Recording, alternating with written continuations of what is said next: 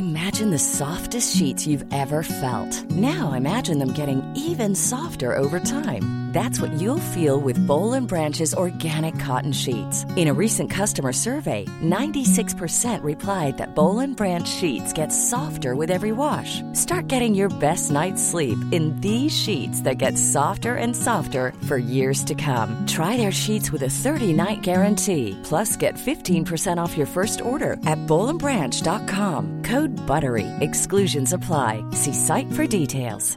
I'm Sandra, and I'm just the professional your small business was looking for. But you didn't hire me because you didn't use LinkedIn jobs. LinkedIn has professionals you can't find anywhere else, including those who aren't actively looking for a new job but might be open to the perfect role, like me.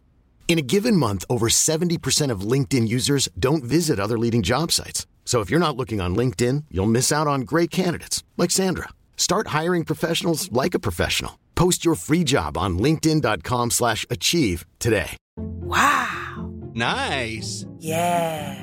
What you're hearing are the sounds of people everywhere putting on Bombas socks, underwear, and t-shirts made from absurdly soft materials that feel like plush clouds.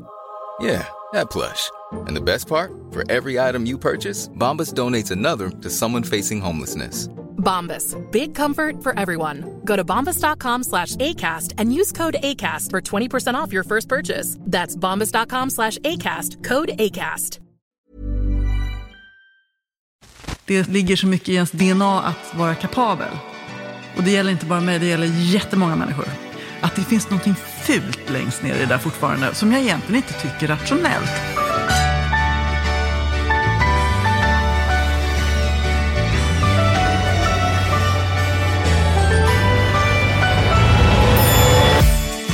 Josefsson har vigt sitt liv åt att på olika sätt jaga sanningen. Oanmäld har han stövlat in i intet ont anande människors liv. Idag bor Janne på hemlig adress bakom en skottsäker dörr och tar aldrig emot besök. Men det ska det bli ändring på. I sin hand har Janne precis fått några ledtrådar till vem som snart knackar på hans dörr. Välkommen till oväntat besök hos Janne Josefsson. Dagens gäst är journalisten och programledaren Jenny Strömstedt.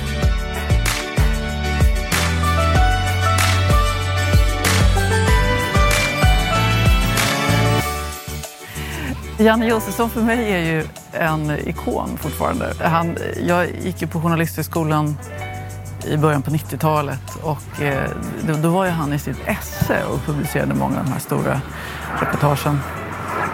Så att eh, för mig så är han liksom en, en idol lite grann, har alltid varit. Och sen har liksom de senare åren när man har, vi har tävlat i det här tv-programmet Alla mot alla så har man fått komma lära känna lite grann så här bakom kulisserna också. Har skrivit flera böcker, varav en prisbelönad barnbok. Känner krav på en kvällstidning. Har studerat i USA. Hade först tänkt utbilda sig på Handelshögskolan men ändrade sig till sista sekund till Journalisthögskolan har hon gått. Goodwill-ambassadör för Unicef. Jag tror inte man kan vara om man är journalist ändå. Uh, jo, men vänta nu. Goodwill-ambassadör för Unicef. Nu uh, kommer någonting här. Det är väl en stor podcast? Det gör man inte om man jobbar på tv. Tror jag inte. Har svimmat i direktsändning. Uh, om jag går all in, vit cisman, medieman Eh, som har eh, dedikerat en stor del av sitt liv åt arbete, kanske inte varit jättebra på att hålla ihop sina relationer. Jag har ju läst lite skvallerpress och sådär också. Då kanske jag tänker att han inte är jättesuperintresserad av heminredning. Å andra sidan skulle jag kunna tänka mig att han har snöat in på jag är väl att han är förtjust i någon speciell liksom, samlarobjekt eller någonting från något land han har varit. vet jag. Det skulle kunna finnas något, något, någon passion men som kanske inte är det här, det är inte L interiör. Har nyligen fyllt jämnt. Har varit med i Let's Dance. Har vuxit upp i ett akademikerhem. Tränar boxning, spelar cello. Älskar ostron, det gör ju inte jag. Fy fasiken. Hur kan man göra det? Första jobb var som städerska på ett hotell. Drömde som barn om att bli folklivsforskare.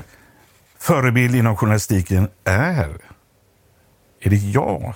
Hans metoder har jag liksom generellt varit så omdiskuterade kanske. Och, och samtidigt har han ju stått för någonting som en, en, en egen ton och en egen eh, drivkraft som har varit jätteviktig för eh, journalistikens utveckling. Har 307 000 följare på Instagram. 307 100 000 träffade sin partner på ett nästan filmiskt vis. Jag är 100 procent outstanding. Hon är outstanding. Hon heter... Hon är... Eh, åh gud, jag... Åh. Hon är programledare varenda jävla dag i TV4, den här tjejen. Och hon, det var vid något tillfälle när hon i en direktsändning faktiskt ramlade och svimmade. Och hon är gift med eh, Strömstedt. Yes! Välkommen Jenny! nu ska vi se. Ja, ni är välkommen. Vem är det? Ja, det är jag. Ja, ja, jag hör det. Välkommen.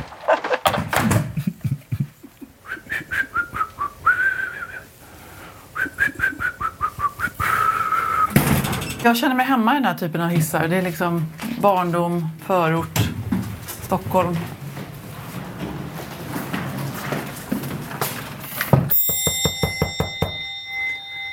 Vem är gästen? Jag är, har aldrig...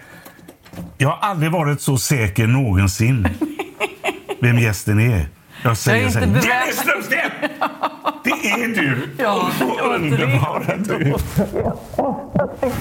Jo, men det är Blir klart. du besviken någon gång? Så här, Fan, är det hon? Ska jag umgås med den här människan i 45? Nej, det har jag nog inte blivit. Eh, Men eh, är du så lång? Eh, ja. Och hur Men trött vi är har jag på den träffat- frågan? Jag ju vet, jag har inte ens högklackat på mig nu. Alltså. Men du är välkommen Ja. Det där måste vi prata vidare här.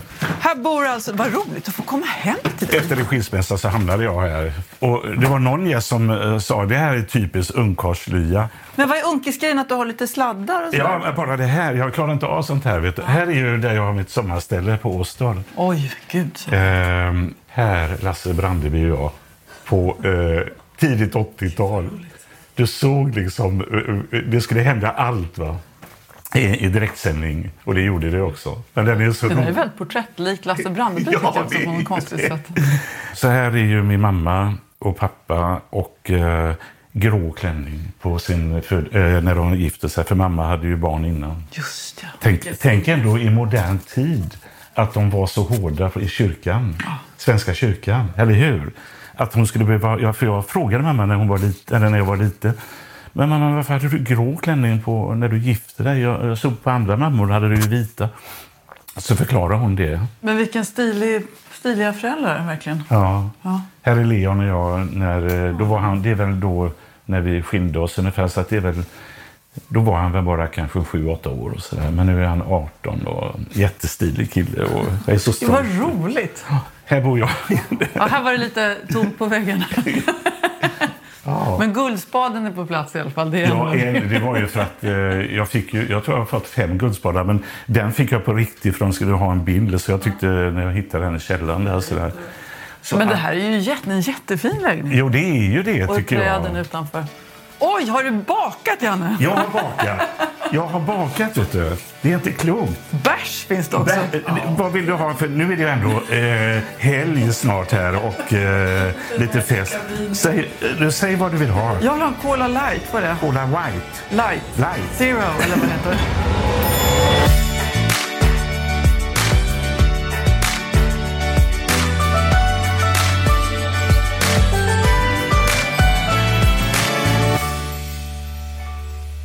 Jag tror första gången vi träffas, tror jag är, om jag minns rätt, eh, där du frågar ut mig på något eh, krog eller café i Stockholm. Kan det, kan det stämma? Det är någon, något diffust minne som poppar upp. Ja, du, Men- om du gick på Journalisthögskolan då eller någonting. Jag jobbade nog på Striptease, alltså var föregångare till Uppdrag granskning.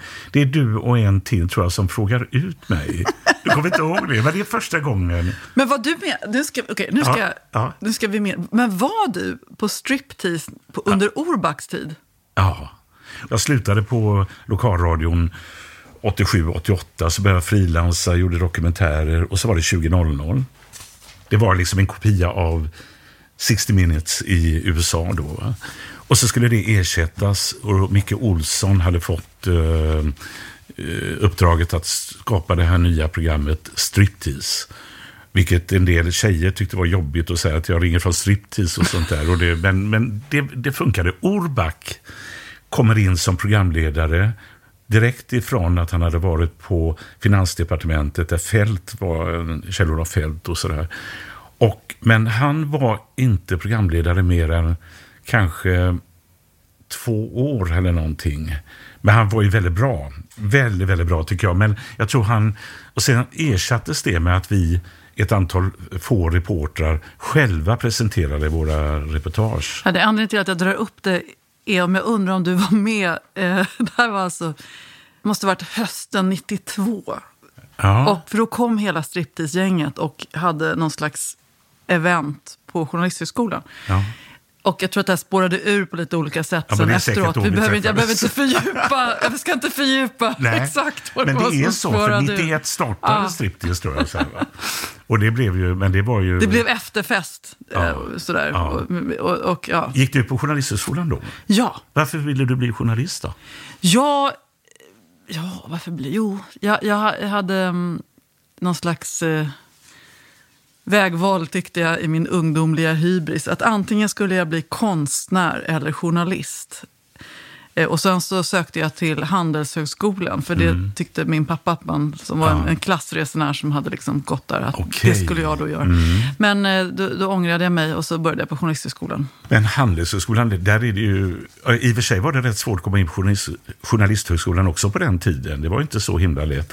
Men Handelshögskolan, där får man väl vara eh, alltså, riktigt, riktigt bright.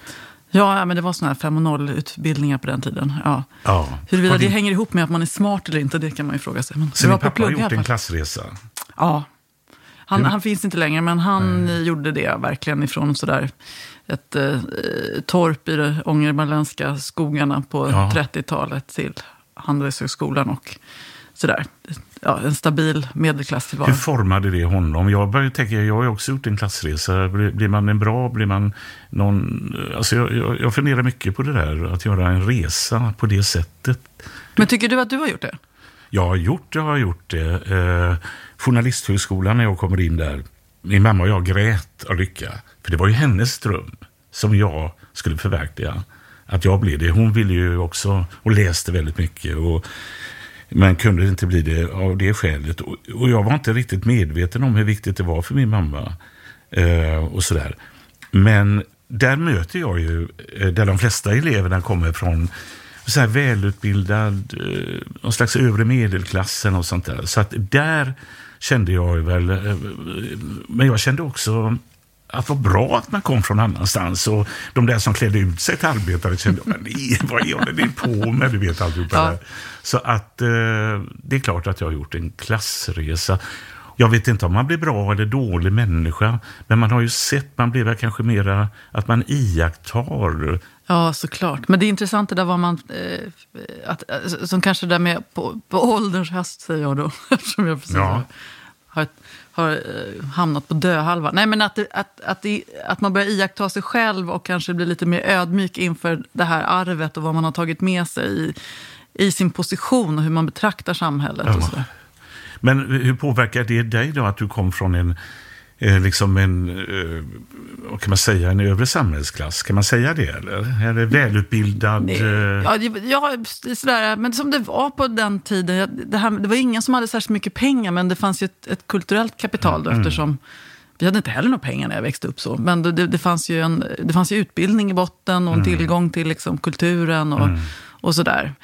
Eh, samtidigt som jag, och min mamma kom från sån här mer familjer av små entreprenörer, charkuterister och bönder och sådär. Och lägre tjänstemän på järnverket och sånt. Men, så det var liksom en annan kultur. Men från pappa, att han, han la, tror jag, väldigt mycket begränsningar på sig själv. Att han kunde ta sig hit, men inte längre riktigt. Utan, för han blev för oppositionell på något sätt mot de här rummen. Och, och den där känslan av att liksom inte att inte tillåta sig själv att, att vara en del av det där. Den, den tror jag att jag har förstått har präglat mig mycket mer än vad jag trodde tidigare.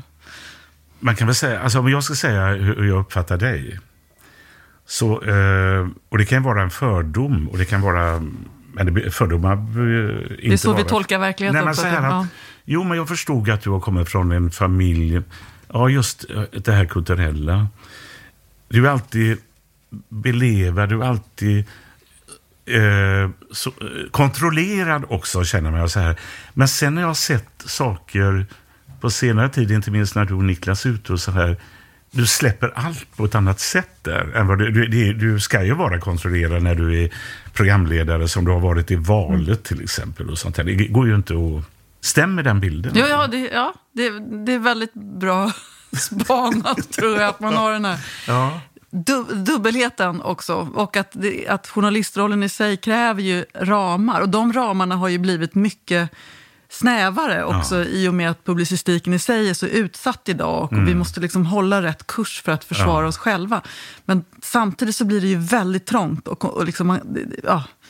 Och ibland, och då kan jag tänka det som du har Mm. gjort och som eh, om Aschberg som en annan Mm, sorts journalism men, och allt det där som inte riktigt fun skulle funka i samtiden men som ändå också är så viktigt. Ja. Liksom, att man vågar lite mer. Tagit ut svängarna Ja, liksom. precis.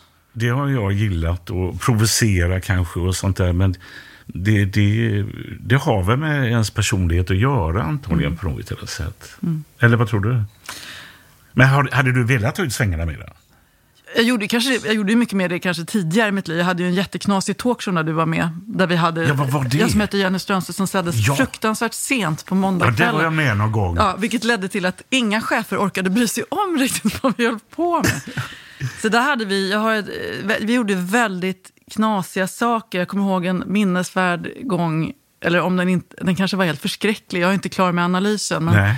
Stig Larsson hade kommit ut, författare, med en bok där han, som blev väldigt omdiskuterad Mm. för att han uttryckte sig kring smaken av unga kvinnors kön. Alltså den var så, ja, just det. någon slags Lolita. Nästan som man kände att det nej, är han pedofil. Så eller? vi gjorde liksom en, en regelrätt journalistisk intervju mot det här. Men sen hade vi också med en fakir i, av någon anledning. Just vi skulle det. vara, och då slutade det med att jag och Karina Berg står och häftar upp blad av Stig Larssons bok på den här fakiren. Obegri- jag vet, symboliken är för mig än denna dag inte riktigt klar. Ja, eh, och, och det var inte alltid så. Men, Men hur gick det med Stig Larsson då? eh, För, eh, gick det bra med intervjun och så? Ja, det tycker jag väl. Jag, jag har inte, usch, ärlighetens namn, jag har inte gått tillbaka och Men tittat. fick du någon bilder? Är han, var han på, gillar han små tjejer eller? Jag, kan- jag kan inte avgöra det och det är en sån sak som man inte heller kan sitta och säga så här Jag podd. kommer ihåg Ja. att jag var med och, och min yngste son Leon var med, han var inte gammal. Mm. Och då var också en annan med, som, eh, eh, han som hade vunnit Melodifestivalen eller någonting, en, som var utklädd till någon japansk... Eh, Ja, eh. Yohio. Yohio. Ja, just det, du hade din son. Men det var kvällssändning och det var Jag skulle direktsändning. säga att det var nattsändning. Ja, det var sent som fan. Men jag älskar ju sånt eh, som direktsändning och sånt. Ja, och det där, det, kanske inte är den tiden att göra den typen av program, men det är också väldigt befriande apropå det där att liksom Ja. få bara Ja. se vad som händer lite Ja. mer istället för att allt ska vara så paketerat och Ja. kontrollerat hela tiden. Skäms du för någonting du har gjort? Där du känner att här gjorde jag bort mig. Nej, Ja, liksom- gud ja. Jag, jag kommer ihåg att jag skulle pröva att hålla föreläsningar så här, bara fullkomligt eh, kraschade dem för att jag bara tappade bort mig och tyckte det var ointressant. Alltså, jag vet inte. Nej, det, Alltså jag, när du är ute och pratar om journalistik då, eller vad gör Nej, du? du, du, jag har ju skrivit flera böcker ja, ja, tidigare ja, ja. om så här, journal- feministiskt tema, så det var några sådana. Och jag skulle, någon gång hade de bokat mig, jag skulle in mellan typ Johan Rheborg och Robert Gustafsson som hade underhållit med stor humor. Och så skulle jag in och prata om någon slags jämställdhet. Det var ju så dåligt, dåliga förutsättningar. Ja. Eh, men då fick, jag, då fick jag betala tillbaks pengar. Att jag var så dö- eller gaget Nej, var så är det sant? dålig. tyckte Nej, fy fasiken.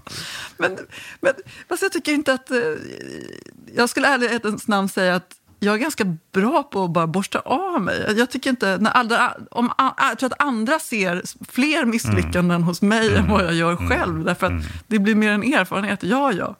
Vad hände? Jag dog inte. När du och Niklas åker runt och eh, pratar med par eh, som ni gör och sånt där. eh, Alltså, jag tänker så här, ni, ni verkar ju vara lyckliga. Ja, det, Ni är det? Ja, vi är det. Det är inte fejk. Det är inte Nej, det är inte fejk. inte det för jäkla skönt att man kan, man kan liksom ta sina turer i livet och sen plötsligt blir det rätt. Eller så Eller så är det bara en dröm som du tror på som... Och det gör väl ingenting. Är det bra så är det bra, eller hur? Men hur cynisk får man bli? Har du tappat helt tron på romantiken här igen, eller? Nej, men ni ser lyckliga ut och ni är lyckliga. Vad är, vad, vad är det viktigaste för att vara lycklig? Är det att man har gemensamma vänner som man har roligt med? Är det, är det att man har bra sex? Eller är det bra... Jag tror, jag tror, jag ska, får man inte lov att backa bandet, Janne, först liksom att man ändå... Det är lite barndom och man får gå i sin beskärda del i terapi för att liksom ändå vara... Ett, man måste ha förmågan att vara lite nöjd, tror jag också, och, och glad. Och Mm, inte helt rastlös och ha för stora hål inom sig som, Mm. som man då tycker att den andra personen ska... Då, då, där har man ju lite att jobba med till att börja med Mm. kanske. Men, men i, om man väl har träffat någon då?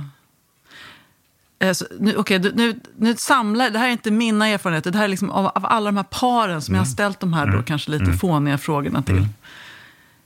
Att man har varandra som ett stort intresse. Så Janne, du, om du och jag var ihop, så här, du kommer hem, så här, vad, vad, vad spännande, nu ska jag få höra, vad har du gjort idag? Hur gick det med det här? Vad tänkte du på? Så här, och jag, och jag, jag vet precis, liksom, för när du längtar efter en god middag, då vill du ha fläsk med löksås. Liksom. Så då, då vet jag det och så kan jag ordna det. Nej, det gillar inte jag. Nej, det gör inte det. Vad gillar du? Vitlöksmarinerade havskräftor. Du ser, det hade gått åt helvete mellan dig och mig. Det, börjar, koll. det här börjar inte bra kan man säga. Nej. Nej. Nej, men att man verkligen eh, vill vara med, att man har det här ständigt pågående samtalet. På något Ja. sätt. Att man är lojal, att man Ja. inte liksom hänger ut varandra. Man, man är en enhet i den här tvåsamheten. Ja. Är, Har ni barn ihop? nej, vi har, Utan det, ni har barn tidigare och sånt där? vi har, tre, vi har tre, sex barn. Ja. Vad fan brukar jag Ni har säga? sex barn. Ja. Kan ni samla dem alla? De är, Niklas äldsta är ju vuxna, en bor i Australien och har precis fått Mm. Ja, en ja, egen bebis. Okej, okej. Och sådär. Men de, vi bodde ju med fyra hemma ganska länge. Jo, det funkar väldigt bra faktiskt. Men jag tror att det, eh, det tredje jag skulle säga är ego. Man, får inte ha, man måste jobba bort sitt ego om man ska gå in i nya relationer. Ja. Jo, men det är nog fasen med det viktigaste. Samtidigt kan man ju inte släppa egot. Man måste ju behålla det i någon bemärkelse. Och sätta Ego kanske är gränser, Ja, ja, ja. Ja, ja. Har du samma känsla som jag kan ha ibland? Nu är jag ju äldre än vad du är, men jag, jag kände ju att även om det var kalla kriget, men det var efterkrigstiden då, allt var möjligt. Liksom. Nu. Och det blev det. Det blev det.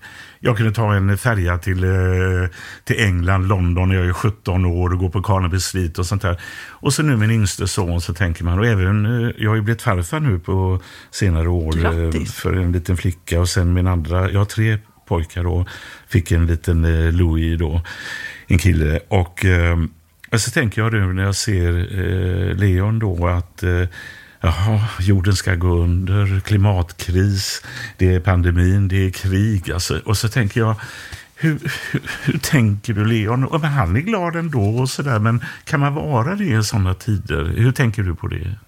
Nej, men jag tror, eller framförallt har mina barn tror jag, gjort mig uppmärksam på det. Ja. Och under en period så var, så var de, åtminstone en var extremt dystopisk och var så jag vet inte, kan du säga mig en anledning till varför jag ska tro på framtiden? Så där? För att Ja. det, det är precis som du säger, det, det, och det hjälp, ni hjälper inte precis till heller att fixa det här. Nej.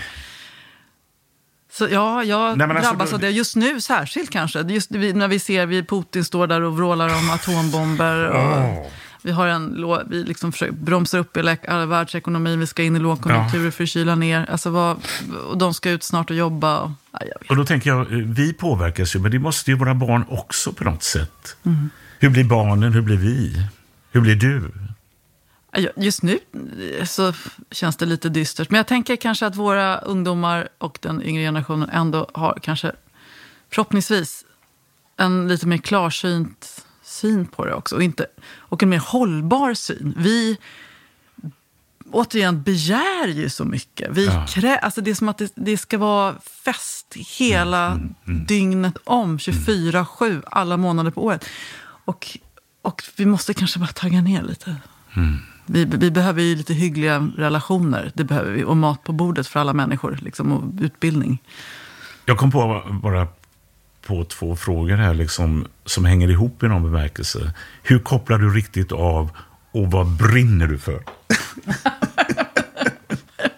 Jag älskar det här, halsbrytaren. Hur kopplar jag av? Alltså jag skulle bli världens bästa hemmafru, säger jag. För jag älskar att laga mat. Mm. Och så här, pyssla i trädgården. Göra fint och trevligt för Mm. alla. Tycker om... Det är väl någon slags egogrej också, så att man vill, att man vill göra härligt. Och så kommer folk hem och säger Åh, har du bakat? Åh, du har lagat mat. Vad här? Mm. Åh, så har man tänt. Och så det, är mysigt. det tycker jag om. Så det är en stor avkoppling. Ja. Jag kopplar också av genom att rensa skåp. Det tycker jag är roligt. Det är skönt. Åh, vad tråkigt. Jag älskar det. Åh, fy fasiken. Slänga bort, mat, vi... rensa, organisera, strukturera. Åh, jag tycker det är härligt. Men vad brinner du för då? Jag brinner, jag brinner för tusen miljoner saker. Det, det, det allra mest grundläggande är väl just, jag har, ju- jämställdhetsfrågor har jag jobbat med, eller skrivit om och engagerat mig hela tiden. Ja. Där kan jag fortfarande känna det här urskinnet, om man tittar på det som nu pågår i Iran till exempel. Mm, ja. Som naturligtvis har pågått liksom i vad är det, 43, alltså Ja. Mm. under väldigt, väldigt lång tid.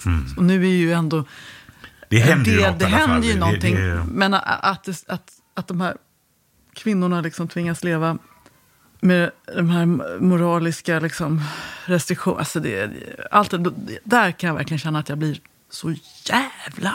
Hur reagerade du på när Ann Linde och eh, flera andra från utrikesdepartementet besökte Iran och så tog de på sig, inte slöja utan vad säger man, över huvudet, alltså de fick ju inte visa håret. Va?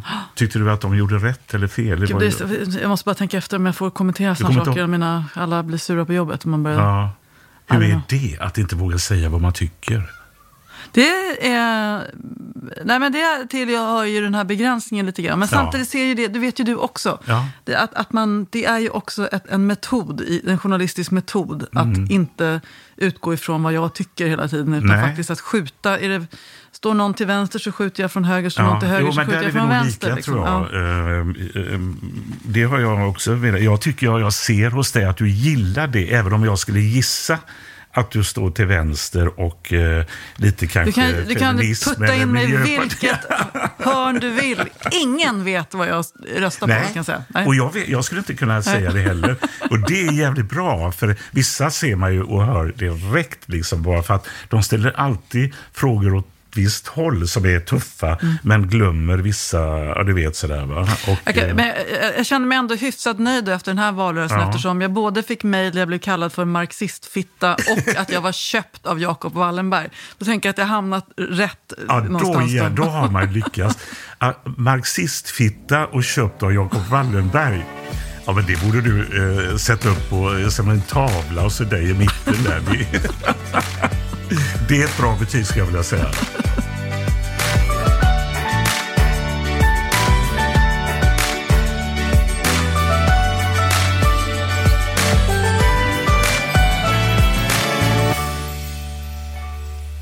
Om man tar metoo så eh, nu säger jag bara vad jag tycker. Jag tycker det var skitbra. För jag har ju sett det där, jag har hört det. Men jag tycker, ju- jag skulle gärna vilja fråga dig, det gick för långt i vissa avseenden. Benny Fredriksson tog sitt liv på grund av utpekande som inte var... Eh, det, det, det fanns inget fog för det. Och det gick väldigt fort. Och eh, jag kommer ihåg att eh, Sveriges Television gjorde en dokumentär som de sen klippte om efter att de fick reda på att han hade tagit sitt liv. och sånt här. Förstår du vad jag menar? Att, eh, Ja, och, och eh, flera av de här publiceringarna fälldes ju också Ja, absolut. av medieombudsmannen. Så det, och, och det var ju helt riktigt, därför att man gick för långt. Ja, samtidigt så klarade de sig. Om man tar Aftonbladet Expressen, ansvarig utgivare var Lena Melin och så var det Thomas... Eh, Mattsson. Thomas Mattsson, ja just det. Och de sa att de, vi vill inte svara på eh, att vi har fått sådana här det var ju eh, kraftiga fällningar mot dem just i metoo-frågan. Och Thomas Mattsson sa till och med så här, "Nej, men, eh, jag kan inte säga någonting under pågående publicering. Vad var det för påhitt? Det är klart han kan och sånt där. Och då tänker jag, hur kan vi ha en journalistkår? Han och hon, de skickar ut unga reportrar, eh, tjejer och killar, knackar dörr och kameran är på och sånt där. Men ingen ställer dem till svars. De klarar ju sig genom att bara säga vi vill inte svara. Är inte det... Ja, ska man publicera eh, saker som utsätter människor för, för liksom, eh, ja, den möjligheten till skada. Ja, ja. Då måste man ju verkligen ha på fötterna, då måste man ju vara en riktig publicering. Vi, vi har ju väldigt tydliga parametrar där. Men, men jag tycker det svåra med, med, metoo, jag tyckte metoo var fantastiskt. Ja. Eh, jag är glad att jag fick vara med om det. För jag tyckte att, att det, var, det var fantastiskt. Det handlade om att liksom få förstå att vissa saker man har varit med om i sitt liv som kvinna, eh, som man på riktigt kände, det här var eh, mitt fel. Ja. Och sen förstå att nej, det var inte mitt fel. Ja. Och hela samtyckeslagstiftningen som kom i en, slags revolution, tycker jag Ja. ändå, i var man lägger skulden någonstans.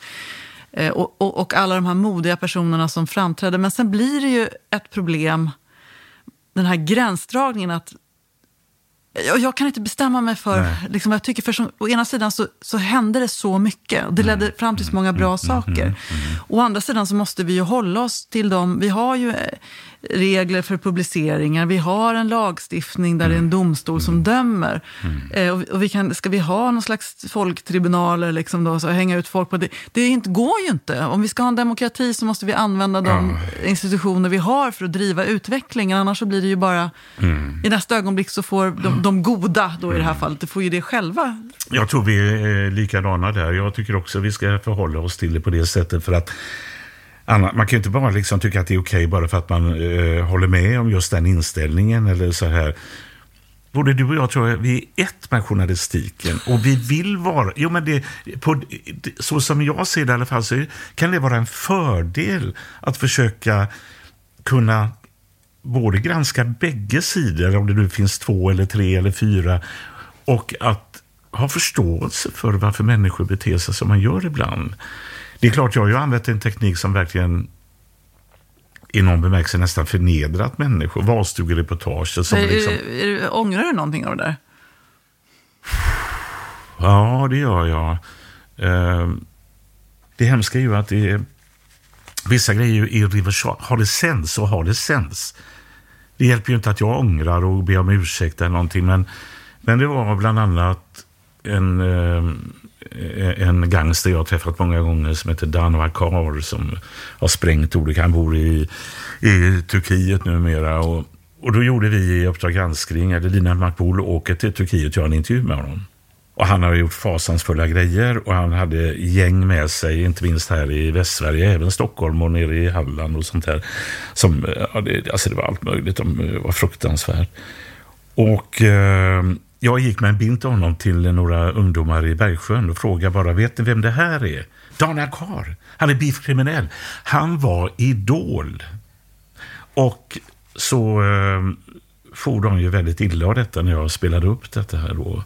Inte så illa som det sades, men de kunde knappt gå till skolan och eh, även om föräldrarna hade sagt ja så kan de inte riktigt bedöma. Och SVT var inte viktigt utan det var Youtube, för det hamnade där. Och vi fick bort det där eh, efter ett tag och sånt där.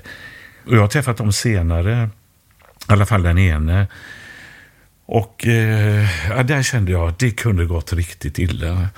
Vissa grejer, och det har också handlat om en rektor på en, en privat skola som sa ofördelaktiga saker om folk. Och vi hade det inspelat hemligt och han förnekade för han ser sig själv. Och jag kände att det var, han kanske inte gjorde det i verkligheten, han kanske sa saker. För det har jag också märkt att folk kan säga hemska saker. Men de som gör det behöver inte vara de som gör elaka saker eller beter sig. De kan vara jättefina. Så att jag ångrar. Eh, och det, det, det är klart att i och med att hamna som klandervärd i Uppdrag granskning, eh, det, det är ju fan värre än att sitta inne fem år på Kumla. Jag skulle inte själv, alltså, man vet ju, och där är det viktigt att det finns spärrar och sånt där. Men annars, nu byter jag ju planhalva här, men annars är jag jävligt stolt över vad jag har gjort. Men det är du också.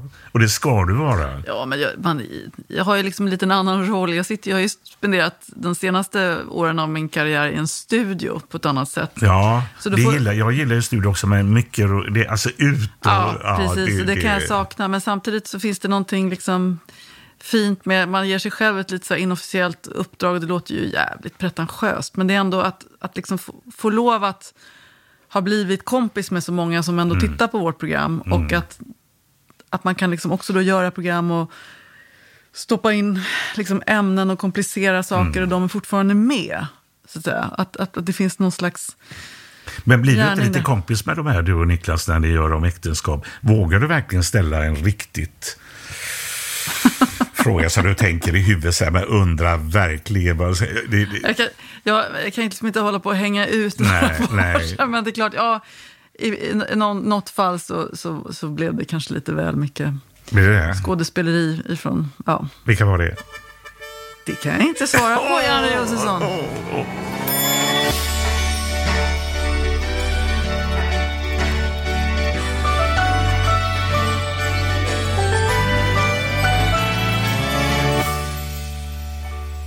Vad är du rädd för då? Åh, Jag är rädd för... Jag, jag är alltid rädd att jag ska, bli, att jag ska mm, få sparken av någon anledning. Jag tror att det hänger ihop med... Det, det kan också vara pappaarvet det där. Man, man måste alltid ha trygghet. Så. Man måste liksom... Man ska alltid vara beredd på katastrofen. Han uppfostrade mig med orden också. Man är aldrig så sårbar som om man just har gjort mål. att, Ja, det ligger någonting i det. För Så att att det- skulle det bli i den stunden man är på topp, liksom så här. Då kan någon bara Eh. smasha in. Men, eh, så att jag tror att det handlar mycket om att eh, jag är rätt ödmjuk inför att det alltid, eh, liksom, det man har, det är lite förgängligt. Så här. Vi får, det, det kanske inte finns. Och då, och då är det klart att det är väl ett sätt att hantera någon slags rädsla för att man ska bli av med jobbet eller att man, det ska hända något någon anhörig och sådär. Ja, Mm. men det är, jag, jag är ju orädd i, när jag är i yrket. Därför trivs jag kanske så bra i yrket. Jag är ju rädd för läkaren. Jag är rädd för... Hör jag, liksom, jag, jag tittar på telefonen, eh, någon olycka i Göteborg, så tänker jag direkt, vad är, är mina barn? Vad, eh, herregud, är det, jaha, det är där uppe. Nej, men där är de inte. Du vet, det, jag vet inte var det kommer ifrån. Jag, jag är jätterädd för det. Det, det är barndomen igen. Jag vet inte. Man har väl... Man har ju... Nej, men det är, det är intressant det där. Jag, jag- tänkte reflektera på det nu när det är räntehöjningar och grejer. Och jag har ju liksom ett jättebra jobb Ja, med jättebra ja, lön. ja. Och har liksom, att, jag, att man blir också nästan mer så här, "Åh, hur ska det gå Ja. nu? Än när jag hade, liksom, var nyskild och hade Ja. minus, liksom, minus på kontot så här, tio dagar innan löning varje. Så här, det är liksom, men det, jag menar att det var ändå... Och du tog hand om alla tre barnen. Eh, vi hade delad Ja, vårdnad, ja. men det var väl lite stökigt precis. Men du, jag, jag, jag vet att jag ställde någon fråga i början. Det har jag faktiskt aldrig frågat någon. Så här, vad är den värsta frågan som du inte vill ha? Ja, och då, det är roligt att du tror att jag ska säga den till dig. Nej, ja, det är ju idiot. Varför säger jag så? Vad, vad, vad säger jag så? Men jag har några frågor som en kompis till mig har formulerat här nu för några veckor sedan bara. Det ena är, om du går tillbaka när du är fem, sex år, som liten, Jenny liten, vad fick dig att bli riktigt glad då? Alltså vad, vad, vad fick dig att känna så här, wow? Man är lite... Åh. Jag, Kan du gå tillbaka så? ja, det kan jag nog göra. Men det var så mycket. Jag, har en väldigt ljus bild av liksom min tidiga barndom och sådär. Och, och, när man var liten, det var ju liksom... Jag, jag, alltid, jag gillar livet liksom. Och det fanns så mycket. Och man hade två kärleksfulla föräldrar. Och bara, det, vad var det då? Man fick krama sin mamma. Var inte det döhärligt när man var liten? Och bara få vara nära och bara känna den här, bara om, låta sig omslutas av sin kärlek. Pappa, han, hade, han var väldigt eh, inriktad också på olika, på Laing och den, det kluvna jag. De höll på med gruppterapi i radhusområdet där vi växte upp. I var, gick han i terapi? Nej, då, de hade någon slags eh, bokgrupp. Jag vet inte, så det var, de pratade mycket om den nya människan. Vet, man kom in i ett rum som liten Ja. och vuxna sa så här, men där är ju du, den nya människan som kommer. Och de, alla blev glada. Här kommer jag och alla blir glada. Lite så, det var verkligen den känslan. Kommer du ihåg ett sånt tillfälle? Alltså? Ja, det kan jag ihåg. Att jag, jag kände alltid att när jag kom, då var jag en gåva till, Nej. till dem som Men sa de så? Den nya människan? Ja, pappa kan nog ha eh, uttryckt sig eh, på så sätt. Jag tror inte att eh, det var inte så allvarligt menat Nej. kanske just, utan det var nog mer, men det var väldigt kärleksfullt på många sätt. Ja. Att man fick vara barn, vara mycket i centrum och liksom våra behov. Så. Sen så har man ju haft sina utmaningar liksom under uppväxten och allt har inte varit eh, lattjo hela tiden. Men, men ändå, det, det finns en väldigt stadig grund och det där kan jag verkligen... Det var roligt att vakna på morgnarna. Liksom, att, att man ändå har fått ha det som liten. Vad det har, gör att man klarar av mycket i umbäranden senare i livet också. Om vi går fram i livet som idag, då, vad, vad, är, vad är det då som kan göra dig samma eh, känsla av upprymdhet, Jag är bra. Jag, När här, man, och, när man kliver av efter, klockan halv två på natten efter valvakan när man har gjort eh, fem feta valprogram på en vecka och i alla fall inte har, har eh, Kollapsat. vare sig kollapsat, gjort bort sig fullkomligt eller sänkt demokratin. Liksom. Så det var ju skönt. Då kändes det väldigt skönt. hur kändes det när du svimmade i direktsändning? Åh, gud. Det var, det var olämpligt. Varför måste jag... Det första gången jag svimmade någonsin och så Ja. är det direktsändning.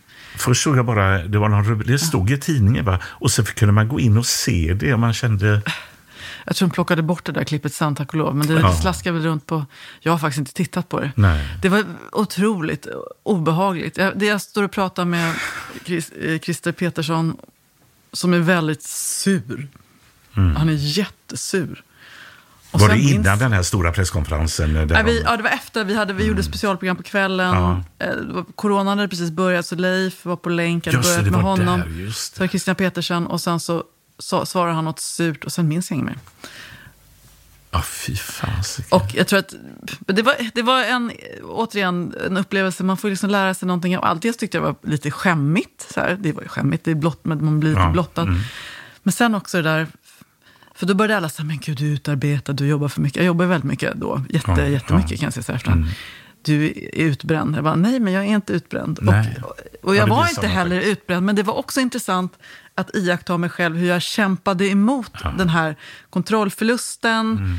eh, mot att jag skulle ha, inte ha klarat av, att jag skulle vara utbränd, att man borde dra ner på tempot, därför att det ligger så mycket i ens DNA att vara kapabel. Mm. Och det gäller inte bara mig, det gäller jättemånga människor. Och att det är så, att liksom erkänna någon slags, så här, jag orkar, jag var jättetrött, jag orkade inte, jag vet det fan inte, jag vet inte varför jag svimmade. Att det, så, det finns någonting fult längst ner i det där fortfarande, som jag egentligen inte tycker rationellt, Nej. men som fortfarande finns där. Mm. Jag gillar ju också direktsändning. Jag körde ju debatt och sånt där. Men vid något tillfälle så kanske att jag var utarbetad så började jag näsblod, eller näsblod eller vad det heter. Precis eh, tio eller fem minuter innan jag ska gå in. Alltså man känner ju sig för jävligt. Jag kan ju inte gå in när det bara rinner. Eller, jag kan inte sätta en stor jävla bomullstuss där. Så här, men du vet, och, Fast det är egentligen det man kan, och det tyckte jag ändå var fint, eh, därför att, i och med att du, du har ju också, du är en sån profil, många, och jag har också jobbat så länge på den där kanalen, att liksom, jag upplevde att det var så här, mer som kompisar som verkligen var så här, jag hoppas att du mår Mm. bra. Det var, Att man har lite utrymme och också vara mänsklig. Ja. Och att faktiskt säga, nej men jag, jag vet inte vad det var, jag hade druckit för lite eller jag svimmade. ja, Och bara, ja, jag har också svimmat på mitt jobb. Det- Och så får man det och så blir det en slags, bygger man ändå en relation med människor. Var det- Därmed inte sagt att jag någonsin har lust att svimma igen. Alltså, jag, ja, fy. Var det bara bra att jobba med Leif GW Persson? Men, det var, jag, jag är väldigt glad över att jag fick jobba med Leif de här åren. Men det var också väldigt krävande, det får jag lov att På säga. vad sätt? Nej, men han är en krävande person. Det ska vara rätt, riktigt och man måste leverera. Och annars har man ingenting där att göra. Men jag tyckte det var stimulerande mycket. Och, eh, och så är han ju en fantastiskt rolig person när han är på sitt liksom, soliga humör att vara runt. Otroligt underhållande och Ja. generös. Både med, Ja, jag har också träffat honom och har sett den Ja. sidan. Och, så att, eh, Men sen har han ju liksom kanske i perioder lite mörkare drag, så, men då får man ja. hantera det. Du nämnde eh, Christer Pedersson. Han Vem hette tror- Pettersson från början, men, tror jag, men han tog bort ett T. Ja, när- det var så konstigt. Jag tycker det var sånt antiklimax när de skulle berätta vem som mördade Palme. Vem tror du mördade Palme? Oj. Alltså jag har ju svårt att tro att det är Skandiamannen. Nu, nu, jag är verkligen inte någon Palmespanare på det Nej. sättet, men jag har ju läst, man har ju läst allting som har kommit under, Ja. under de senaste åren. Hur gammal var du när Palme dog? Jag jobbade... Jag var 13 år. Ja, 13. Ja. Jag kommer precis Jag var ihåg när väl han- i 25-årsåldern eller lite drygt. Och jag minns ju det när jag går upp på morgonen och, och tittar på... Och tänkte jag... Och det var väl då första februari något sånt här blir. Så jag tänkte det var första april. Jag tänkte det var det värsta jävla dumma första aprilskämt. Så kommer jag in i köket, för jag gick upp jävligt tidigt. Bodde på en villa. Och så får jag höra bara de här...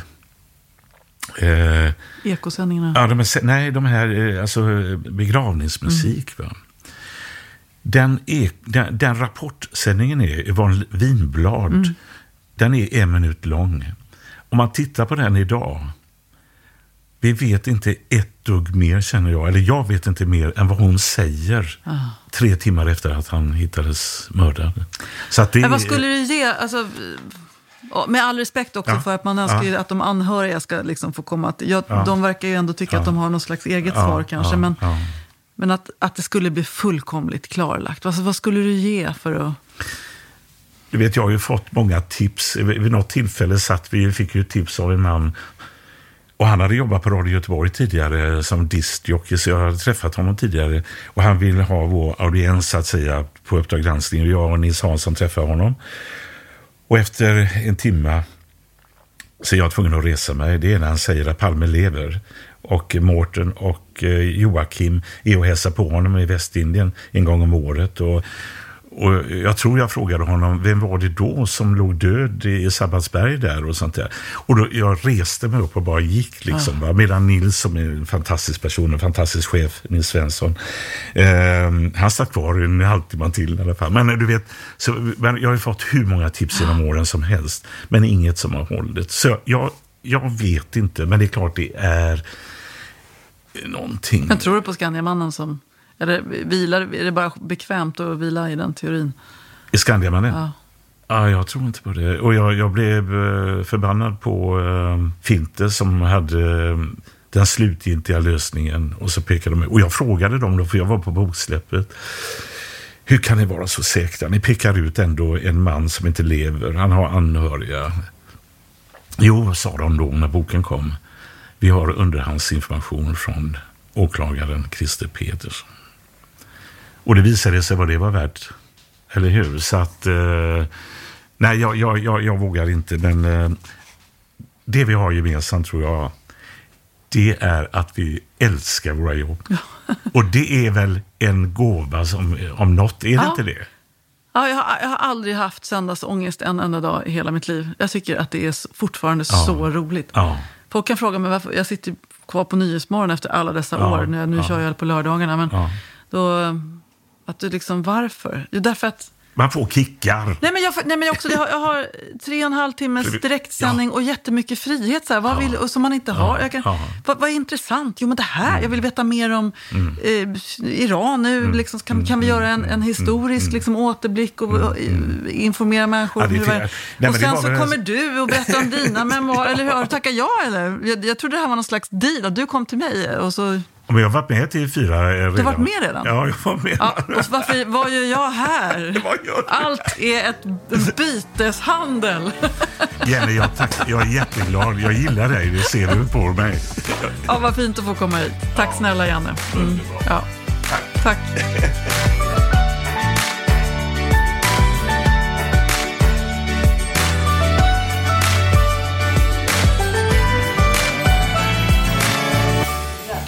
Hälsa Niklas nu. Hej, hej, hej. Jag tyckte det var väldigt roligt. Jag hade gärna eh, suttit en sen kväll och tagit det där glaset vin med honom och babblat bara. Eh, Och sen är han ju skicklig därför att han, eh, han blandar och ger olika frågor med gott humör. Så, så tänker jag att nu har jag nog sagt för mycket. Jag ska kunna hälsa på någon där på Åstol och sen så bara ut med båten lite, fiska kanske, åka tillbaka, brassa en grym måltid, bara sitta och, och snacka skit. Jag tar med mig Niklas. Han, kan, han, har, säkert- han kanske har träffat någon ny, man vet aldrig. Eller sin gamla. Vi får väl se. Eh, jag tyckte det var jättespännande att höra eh, hennes uppväxt och hennes eh, tankar och det gick snabbt. Men jag gillar henne väldigt mycket. Jag tycker hon är strålande i tv och hon är väldigt, väldigt god som person när hon kommer här också. Och jag är stolt över att eh, när jag får höra att hon gillar mig också. Thank you for listening to this Polpo original. You've been amazing. When you make decisions for your company, you look for the no brainers. And if you have a lot of mailing to do, stamps.com is the ultimate no brainer. It streamlines your processes to make your business more efficient, which makes you less busy. Mail checks, invoices, legal documents, and everything you need to keep your business running with stamps.com. Seamlessly connect with every major marketplace and shopping cart. Schedule package pickups and see your cheapest and fastest shipping options from different carriers with rates up to 89% off USPS and UPS rates. And with the Stamps.com mobile app, you can take care of mailing and shipping wherever you are. Make the same no-brainer decision as over 1 million other businesses with Stamps.com. Sign up with Code PROGRAM for a four-week trial, plus free postage and a free digital scale. No long-term commitments or contracts. That's Stamps.com. Code PROGRAM.